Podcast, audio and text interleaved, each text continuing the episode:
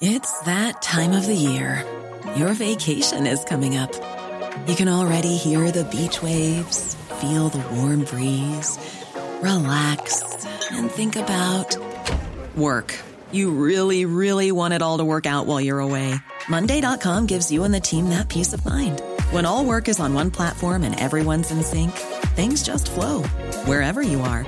Tap the banner to go to Monday.com. Ryan Reynolds here from Mint Mobile. With the price of just about everything going up during inflation, we thought we'd bring our prices down.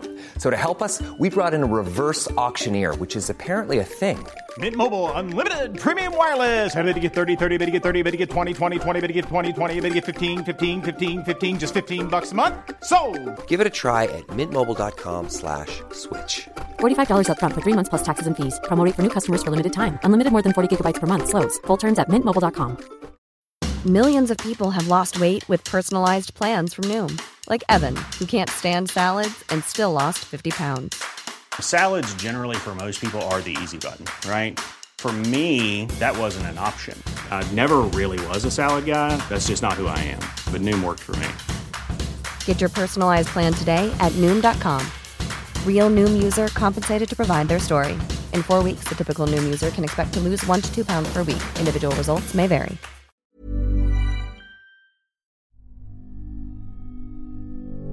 I augusti 2006 sker ett beväpnat värdetransportrån mot Ålandsbanken i Mariehamn. En plats som i modern tid haft en hög närvaro av trygghet och gemytlighet. En bit land, mitt i havet, isolerad från omvärlden trots sin täta färjetrafik. Här är det lätt att vaggas till ro av illusionen det händer inte här. Men det gjorde det. Den grova brottsligheten kom till stan och chockade alla i sin närhet. Ställde allt på ända i denna fridfulla idyll. Men Åland har inte alltid varit en fridfull plats. Tvärtom. Åland har inom århundraden ockuperats och attackerats av stormakter. Ett epicentrum i krigshistorien. Vad, vad betyder Åland? Vattenland. Vattenland. Det är ju fint. Detta är Gyrid Högman. Gyrid är uppvuxen på Åland och är förutom historiker både författare och lärare. Alltså Åland och Finland var ju en del av, av Sve- Svea rike ända fram till 1809. 1809 förlorar Sverige, Finland och Åland till ryssarna.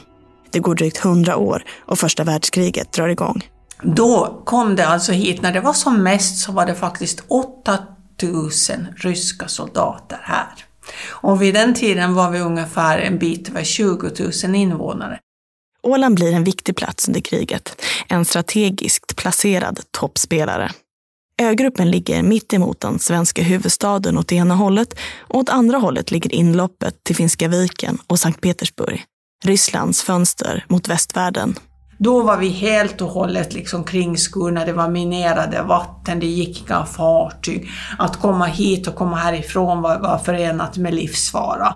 Runt 1917, ungefär samtidigt som Finland försöker befria sig från tsardömet, börjar ålänningarna också tänka i samma banor. Så det fanns ålänningar som var ganska nära utrikesdepartementet i Sverige, som hade liksom kännedom om hur, hur landet låg och eh, vad som rörde sig ute i stora världen och, och kom hem till Åland och sa att nu är det dags. Att nu, nu- ska Åland försöka liksom befria sig och då är det att höra till Sverige. Det här är den så kallade återföreningsrörelsen med Sverige. Det här måste vara väldigt hemligt därför att alla sådana här eh, arrangemang och evenemang så sågs ju som, som landsförräderi. En polis vid namn Karl Björkman spionerar på ryssarna för svenskarnas räkning. Bland annat om var de ryska militära förläggningarna finns. Det ordnas ett möte på den lokala folkhögskolan som han säger handlar om att Åland borde ha en officiell brandkår, men som egentligen handlar om en namninsamling om att Åland nu ska bli svenskt. Ett farligt uppdrag. Och allt det här var under mitt under brinnande krig. Hemligt, svårt att komma härifrån. Det var meningen att Karl Björkman skulle föra denna topphemliga namninsamling till den svenska kungen. Men den ryska militären börjar ana oråd och det blir en grupp ungdomar som får i uppdrag att ta sig till Sverige. Samtidigt bryter ut ett inbördeskrig i Finland mellan de röda och de vita. Alltså vita var ju den officiella regeringen och eh, Mannerheim som var huvudbefälhavare och de röda var ju kommunisterna då, socialisterna, eh, som, som ville utropa socialistisk stat. Nu krigas det på alla fronter och öbornas önskan om att tillhöra fredliga Sverige kan man nog tänka sig vid det här laget var ganska hög. Ungdomarna lyckas till trots ta sig västerut vattenvägen över till grannlandet. De överlämnar handlingarna till den svenska kungen och påbörjar sin resa tillbaka. Då händer något som nog inte kan klassas som något annat än ett väldigt föredömligt sammanträffande. När de här människorna som hade överlämnat krigsadressen kom tillbaka så kom de via Eckerö. Då råkade det sig så att en, en, en lada brann i Eckerö. Det syntes ju mot kvällshimlen. Varvid man trodde att nu håller ryssarna på att bränna upp hela Åland, alltså får man tillbaka till Sverige. Och larma framförallt pressen och det blev stora rubriker att och det innebar att man skickade krigsfartyg och militär hit.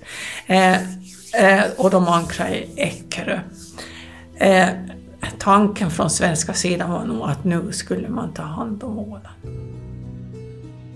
Det hela slutar ju med att, att eh, svenskarna fraktar bort eh, ryska soldaterna härifrån. Sen tog de med sig socker och kaffe och mjöl och risgryn. Åh gud vad fint! Om man inte hade haft någonting på lång, lång, lång tid. Så eh, det här eh, gjorde ju att, att ålänningarna längtar allt mer till Sverige. Ålandsfrågan blir internationell och tas upp vid fredskonferensen i Versailles och sen i Nationernas förbund. Det är nu det ska beslutas. Tre parter. Sverige, Åland och Finland. Finland fick Åland, men måste ge Åland självstyrelse. Det var liksom villkoret. Sverige fick, eh, fick garantier för Ålands neutralisering och demilitarisering. För de ville inte ha ett militariserat Åland. Så alla tre fick någonting, men ingen fick riktigt som de ville. Du lyssnar på podcasten Motiv om värdetransportrånet på Åland av mig, Caroline Axelsson. Exekutiv producent Nils Bergman.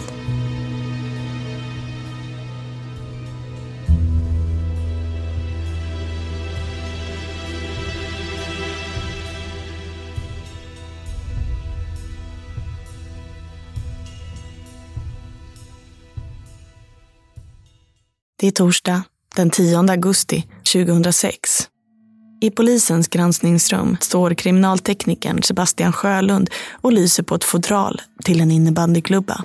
Jag var ensam i det här rummet, kommer jag ihåg.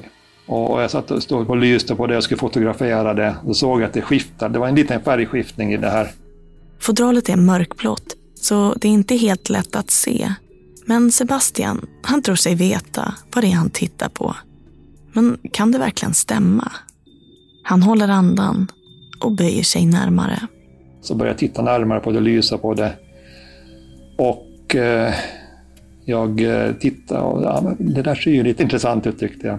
Sebastian gör ett test. Svaret kommer snabbt. Så, jag, så sprang jag upp till tre våningar till kommissarie Haverinen. Nu kan jakten på rånarna börja på riktigt. Och jag kom in med flåsande med andan i halsen och, och jag har hittat blod, sa jag. Jag har hittat blod. Sebastian hittar också små blodspår på skruvmejslarna och när polisen får uppgifter på att en tredje bil, en Passat, har hittats utbränd i skogen, trifecta. N när man sysslar med de här typen av brott så är det, det är sällan det är förstagångsförbrytare som inte, har, som, som inte är kända av polisen. Man hoppades ju att det var någon till som har skurit sig, men att det var kanske lite mycket, väl mycket insåg vi själva också, att det var två stycken skulle ha skurit sig under själva inbrottet. Men vi insåg ju också att eh, om det är samma person som, som har lämnat alla blodspåren så sitter, ligger ju den personen rätt risigt till. Proverna skickas in till Centralkriminalpolisens kriminallabb i Vanda. Och även fast ärendet får förtur så vet Sebastian att svaret kommer dröja några dagar. Och tiden, ja, den har polisen inte på sin sida. Allt tyder på att rånarna ligger lågt. Samtidigt som polisen letar går Ålands Radio ut på gatan för att prata med Mariehamnsborna. Nu inte väntar man att det skulle inträffa någonting sånt här. Och jag tror nog inte att de klarar sig och jag tror inte heller att det är lokala förmågor. Men att man är ju aldrig säker. Det tycks ju finnas sådana där kretsar som tycker att det är spännande att råna banker bland annat. Men vad tänkte du när du hörde, hörde om rånet? Nu man blir ju lite förvånad och chockad. Inte vill, vill man väl riktigt tro det heller. Ja, det är ju klart att när det händer någonting så här stort i ett sånt här litet samhälle och, och det var ju väldigt exceptionellt och så det var ju mycket sånt som... Det väckte ju så stort intresse, intresse och, och spekulationer och, och det skrevs mycket om det och, och hela, hela liksom Åland var ju engagerat i det så det var ju inte på det viset något svårt att, att det där, få hjälp från allmänheten. Maria Hoikala från CKP, alltså Centralkriminalpolisen, har kommit till Åland för att hjälpa till. Jag jobbar då som kriminalöverkonstabel på Centralkriminalpolisen med sån här uh, kriminalunderrättelse och analys. Och, och, det var egentligen därför som, som vi blev då kallade, i och med att Centralkriminalpolisen, CKP då, så tog ju över sen i något skede den där utredningen och, och sen uh, vi igen hade mera som uppgift då att samla ihop information, alla tips och, och sånt, sånt som, som då under de där dagarna samlades in och, och bygga liksom pusslet då på, på basen av, av vad sen folk ringde in tips bland annat. Detektiven Allmänheten är på hugget och tipsen strömmar in. Och tur är väl det. Ett tips ska visa sig avgörande för utredningen. Vi hör kriminaltekniker Sebastian igen. Ett par dagar efter rånet så kom det en anmälan till polisen om att en mobiltelefon hade hittats bredvid en skogsväg i Hammarland. Hammarland, det ligger nära hamnen i Eckerö och från Eckerö går många färjor till och från Sverige. Det var ju inte jättespeciellt i sig, men eh, på baksidan av telefonen så fanns det två tejpremsor och på tejpremsorna stod det skrivet Attack 1 och ett svenskt mobiltelefonnummer. Då blev det genast mycket mer intressant såklart. I attacktelefonens utkorg finns ett skickat sms med numret till en person som vi kan kalla Juan. Att telefonen hittades, det var ett stort genombrott. Vi har fått upp spår på gärningsmännen. Det står nu klart att rånarna sannolikt kommer från Sverige, så utredningen tas över av den svenska polisen och hamnar till slut i Stockholm. Hej! Hos chefsåklagare Kristi Petersson. Jajamensan, jag har mitt kort. Vi har någonting i svensk rätt som kallas för ubiquitetsprincipen. Det betyder att om någon del av ett brott som formellt sett har begått utomlands har begåtts i Sverige, det vill säga planering, eh, tillflykt eller man gömmer stöldgods eller någonting sånt, då har vi svensk domsrätt över det. Så att det, vi påstod ju här att en viss del av planeringen hade skett i Sverige och därför hamnade brottet i Sverige. Christer tar del av den vittnesbevisning som Maria Hoikala och hennes kollegor samlat in och fortsätter lägga pusslet tillsammans med svensk, åländsk och finsk polis. Under många år, många tusen år ska jag säga, så var vittnesbevisningen kronan för, för, för bevisning. Men om man lyssnar på media, bland annat det som jag har hållit på med Palmemordet en hel del, så säger man att det fanns ingen bevisning men det var en hel del vittnen som har uttalat sig där.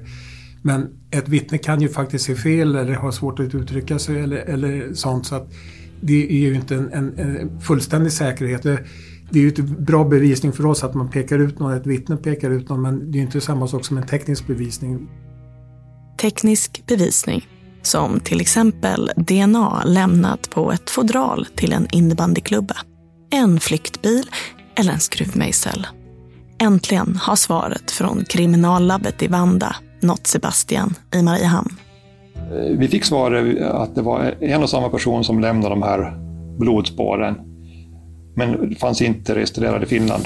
Men vi skrev också i vår begäran när vi skickade in det här till labbet att de ska jämföra med, med, med, med Sverige, för vi hade ju våra aningar. Och senare fick vi besked då också att de hade fått, hitta en, fått en träff i Sverige i deras spårregister. Att den här samma DNA var lämnat i samband med ett brott i Sverige också. Det var det beskedet vi fick. De blodspår som Sebastian hittat och testat ger alltså en träff. Och personen, ja, det är Juan. Samma person vars telefonnummer hittades i attacktelefonen. Juan har också pekats ut av ett vittne. Det är ägaren till Hummelviks camping som säger sig ha sett honom där, i en bil, tillsammans med en annan man.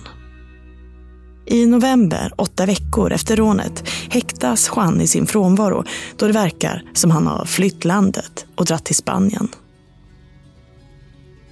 Vi har ju någonting som kallas för europeiska arresteringsorder och det innebär ju att det sker, sker ju att vi har ett svenskt häktningsbeslut. Att vi ansåg att bevisningen var så pass eh, god här i Sverige så att vi fick honom häktad i sin frånvaro. Vi försökte få honom utlämnad från Spanien men de sa sig inte hitta honom där. Naturligtvis så i alla utredningar så är det ju vikt att eh, liksom brottet klaras upp och att eh, gärningsmännen inte får dra fördel av sitt byte. Men jag vill inte påstå att det, det, det är liksom någonting som är, faller sig naturligt för oss. Att det är vår inställning att eh, det ska de inte eh, kunna berika sig på det. Men ibland så, så går det inte att, att eh, undvika, höll jag på att säga.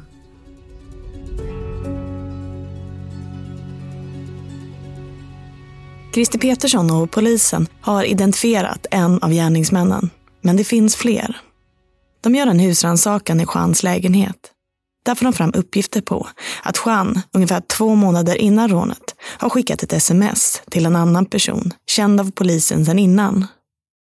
Polisen skapar hela tiden teorier och analyserar de olika kriminella grupperingar som finns. Vilka kontakter har dessa personer? Vilka brukar X, Y och Z umgås med? Selling a little or a lot? Shopify helps you do your thing however you cha-ching. Shopify is the global commerce platform that helps you sell at every stage of your business. From the launch your online shop stage to the first real life store stage, all the way to the did we just hit a million orders stage. Shopify is there to help you grow. Shopify helps you turn browsers into buyers with the internet's best converting checkout. 36% better on average compared to other leading commerce platforms because businesses that grow grow with Shopify. Get a $1 per month trial period at Shopify.com slash work. Shopify.com slash work. Everyone knows therapy is great for solving problems, but getting therapy has its own problems too, like finding the right therapist, fitting into their schedule, and of course, the cost. Well, BetterHelp can solve those problems. It's totally online and built around your schedule. It's surprisingly affordable too. Connect with a credentialed therapist by phone, video, or online chat, all from the comfort of your home. Visit betterhelp.com to learn more and save 10% on your first month. That's BetterHelp, H E L P. Burrow's Furniture is built for the way you live. From ensuring easy assembly and disassembly to honoring highly requested new colors for their award winning seating, they always have their customers in mind. Their modular seating is made out of durable materials to last and grow with you. And with Burrow, you always get fast, free shipping. Get up to 60% off during Burrow's Memorial Day sale at burrow.com slash ACAST. That's burrow.com slash ACAST. burrow.com slash ACAST. Eh, vi hade ju en del telefonuppkopplingar på Åland för det är ju inte så som i, som i Stockholm eller i någon tätbebyggt område där massor med telefoner vimlar. utan det var ju ett färre antal telefoner som vi hade spaning på där. Och eh, några av dem använde telefoner som man kunde spåra till personerna. Attacktelefonen som vi kan kalla Mobil Röd, som upphittades i skogen nära Eckerö, köptes tillsammans med ett flertal andra mobiltelefoner i Teknikmagasinets butiker i Stockholm. Vi kallar dem Mobil Grön, Gul, Blå och Vit. Alla dessa mobiler kan Christer och polisen följa och de analyserar telefonens rörelsemönster via telefonmaster. Mobil grön var 12 dagar innan rånet i Mariehamn och på Hummelviks camping. Mobil vit har enbart varit i kontakt med Mobil grön och befann sig 11 dagar innan rånet på Västra Åland och Eckerö tillsammans med Mobil blå. Mobil grön och vit har haft samma rörelsemönster som en mobil till. En som inte var inköpt på Teknikmagasinet. Låt oss kalla den Mobil svart. Från början så vet man inte vilka telefoner som är intressanta utan man har ju ett brett spektrum av telefonnummer. Men sen så får man ju kolla och se att det finns vissa som är legala och som är eh, legal användning. De får man bort från utredningen och till slut så börjar man, har man tur då så kommer man ner mot ett färre antal nummer som är intressanta och så börjar man göra vissa kontroller på de numren. Och i så fall så, så är det, i det här fallet så lyckades vi då spåra i alla fall några av gärningsmännen på det sättet. För att vi, vi eh, hade ju den teorin att gärningsmännen var ju inte bofasta ålänningar utan de kom ju någonstans ifrån. Och då började vi forska se, kommer man se att några personer hade åkt. Och jag vill minnas att det var på Eckerölinjen som vi kunde se att eh, någon bil hade passerat som var intressant i utredningen.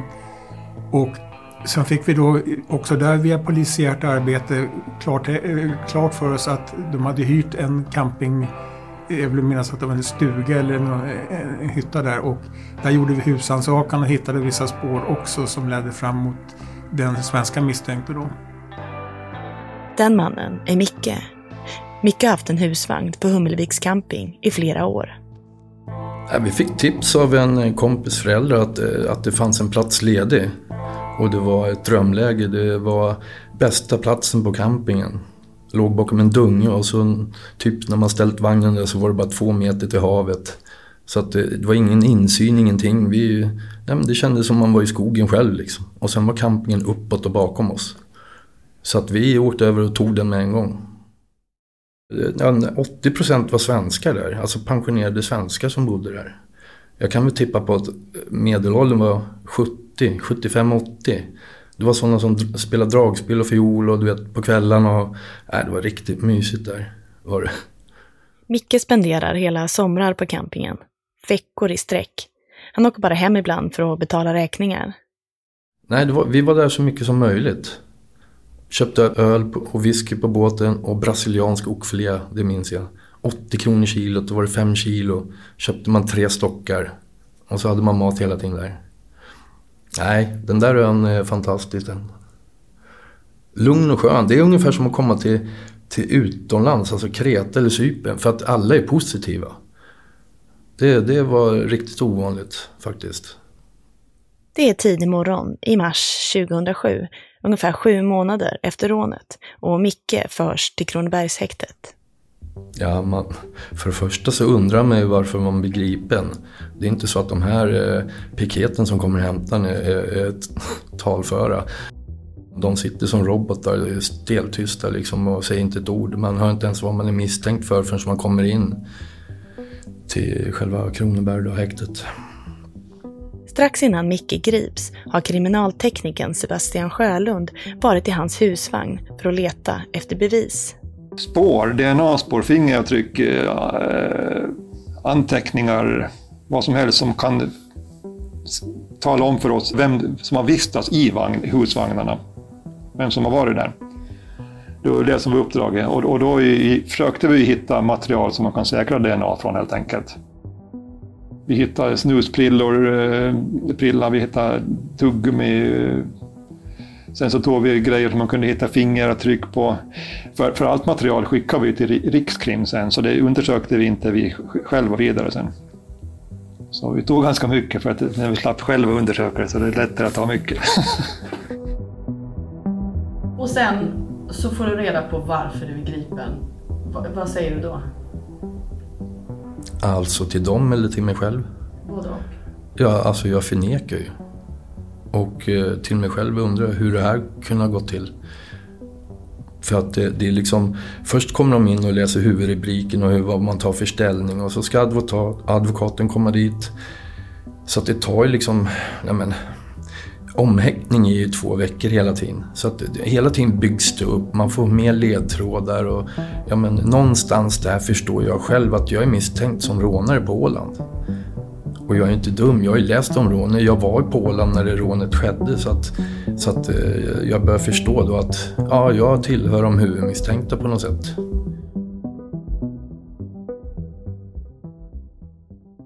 Du sitter där och du vet att du har blivit eh, du är misstänkt för bankrånet på Åland. Och vad tänker du då? När man väl går ut ur, ur, ur förhörsrummet och är på väg till cellen och sätter sig i cellen. Det är då hjärnan börjar komma igång. Och så går man igenom, vad fan är det här? Och Jesus. Och så vet jag liksom, ja men är man nu rånare så, så blir ju Paoa liksom. Och jag, jag, vet ju hur scenariot ser ut som jag levt bland kriminella hela mitt liv nästan. Så det kom ju inte liksom som en, en viskning att ja, så här är det. Utan jag förstod att oj, här blir jag lång tid nu. För att eh, jag, jag, förstår ju vad det, vad det handlar om, att det är grovt. Jag är mest sitter för misshandel. Och där släpps man ju dagen efter. Så att, men, men någonstans förstod jag liksom att det här, det, här, det här kommer ta tid. Och vad kände du då när du inser att här... Nej, jag var mest orolig för min katt. Som var kvar hemma. Medan utredningen fortsätter hålls Micke kvar i cellen på Kronoberg. Han har fulla restriktioner och är helt ensam med sina tankar. Alltså när man sitter 24 timmar och så, du måste ha något att göra. Du vet, eh, ja, men alltså man räknar knappar i taket, gipsskruvar, man räknar allting. Popnitar, hur många golvplattor. Man måste hela tiden, alltså annars blir man dum i huvudet tror jag. Då hör man liksom ventilationen när den tickar och om det är någon fluga inne i rummet eller man hör sitt hjärta nästan. Tankarna hör man också. Det är många som bryter ihop där inne. Och du sitter där. Hur länge sitter du där? Kommer du ihåg innan? Du... Fem och en halv månad satt jag häktad på Kronoberg. Har man någon, eh, ser man liksom, umgås man med andra när man sitter häktad? Ja, det beror på. Jag fick eh, inte gemensam avdelning. Som, eh, jag vet inte om det är grovt brott eller att det är liksom för mycket som kan pratas eller skickas ut lappar eller förstöra utredningsmaterial. Så att det är väl en säkerhetsrisk. De gör en bedömning om du får komma ut på de där avdelningarna. Och samma dag som jag varit avdelad och började packa mitt rum och gick upp så jag hann inte ens packa upp så sa de att ja det är bara att gå. Och jag bara va? Ja du är släppt. Och den känslan går inte att beskriva. Man tror att de ljuger för en. Då fick du, blev du släppt i väntan på Ja, då får man gå och hämta sina kläder och som man, de få kläder jag hade på mig när de tog mig då.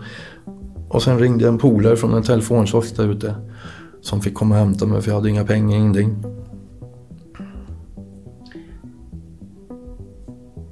Och sen så, hur, hur lång tid går det då innan rättegången börjar? Har du då kontakt med advokaten som säger okej okay, nu kommer det börja en rättegång? Absolut, jag åker in på möten titt som tätt liksom för att lägga upp någonting eller gå igenom eller någonting vi har missat. Men det mesta är sagt liksom det, det, är en story och den håller jag fast vid fortfarande. Liksom. Det är inte så mycket att ändra. Christer Petersson, chefsåklagare i utredningen, yrkar på grovt rån alternativt medhjälp till grovt rån. Dels på grund av analysen av mobiltrafiken på Åland dagarna innan, under och efter rånet. Men också på grund av det faktum att ägaren av Humleviks camping ska ha vittnat att han har sett Juan i en bil tillsammans med en annan man. Den mannen är Micke, det görs också en husrannsakan i Mickes hem och där påträffas en pärm med kvitton. Av kvittorna framgår det att Micke månaderna innan rånet gjort kontanta betalningar på 20 000 kronor.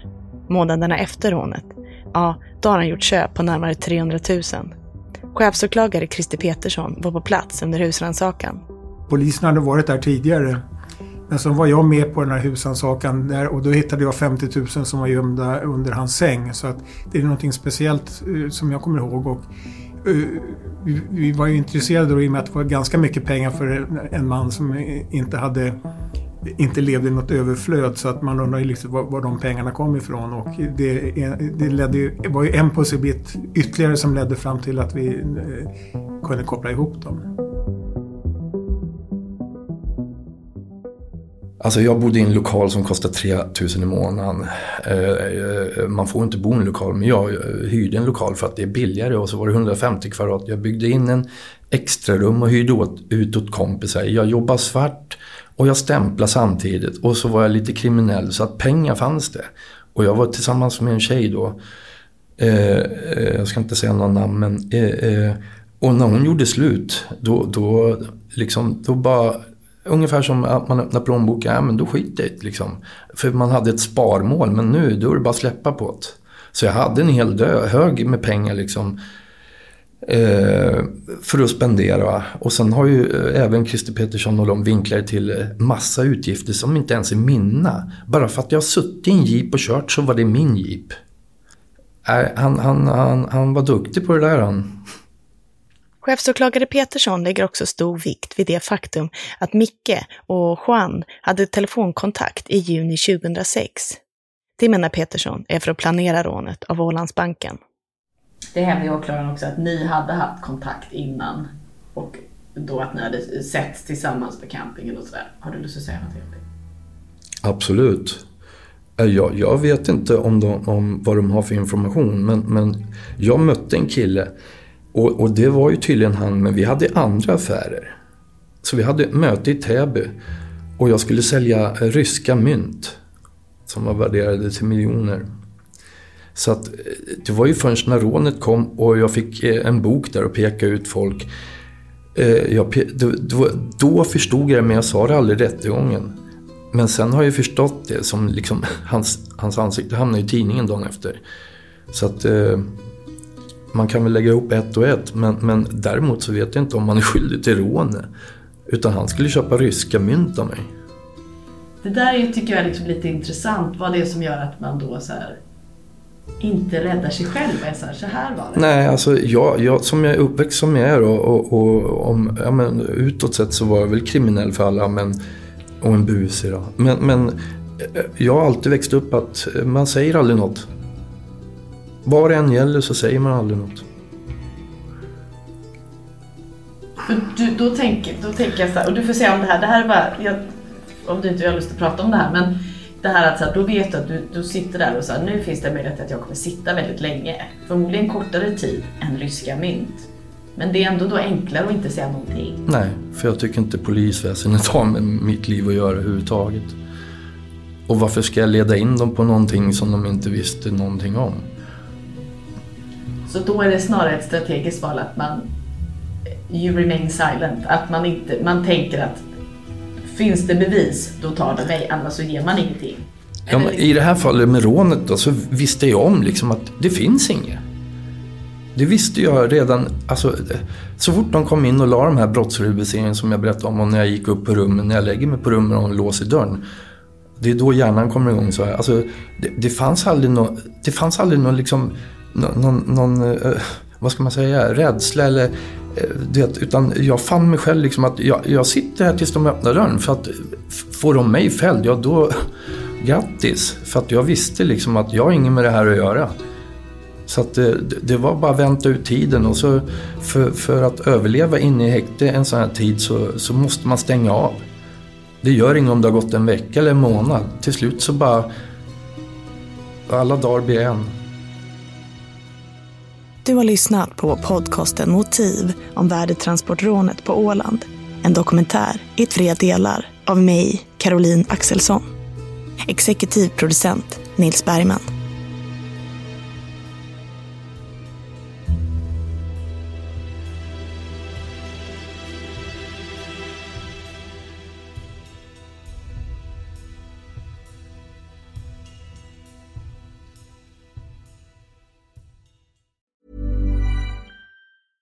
Planning for your next trip? Elevate your travel style with Quince. Quince has all the jet setting essentials you'll want for your next getaway, like European linen, premium luggage options, buttery soft Italian leather bags, and so much more. And it's all priced at 50 to 80% less than similar brands. Plus, Quince only works with factories that use safe and ethical manufacturing practices. Pack your bags with high-quality essentials you'll be wearing for vacations to come with Quince. Go to quince.com slash trip for free shipping and 365-day returns. Planning for your next trip? Elevate your travel style with Quince. Quince has all the jet-setting essentials you'll want for your next getaway, like European linen, premium luggage options, buttery soft Italian leather bags, and so much more. And is all priced at 50 to 80% less than similar brands. Plus, Quince only works with factories that use safe and ethical manufacturing practices. Pack your bags with high-quality essentials you'll be wearing for vacations to come with Quince. Go to quince.com/pack for free shipping and 365-day returns. When you need mealtime inspiration, it's worth shopping Kroger, where you'll find over 30,000 mouthwatering choices that excite your inner foodie. And no matter what tasty choice you make, you'll enjoy our everyday low prices, plus extra ways to save, like digital coupons worth over $600 each week. You can also save up to $1 off per gallon at the pump with fuel points. More savings and more inspiring flavors make shopping Kroger worth it every time. Kroger, fresh for everyone. Fuel restrictions apply. Motiv är en Tall Tale-produktion. Ansvarig utgivare är Jonas Häger. Och Motiv görs i samarbete med Lexbase. Ange rabattkoden MOTIV när du blir ny betalande medlem på lexbase.se och få tre kostnadsfria domar.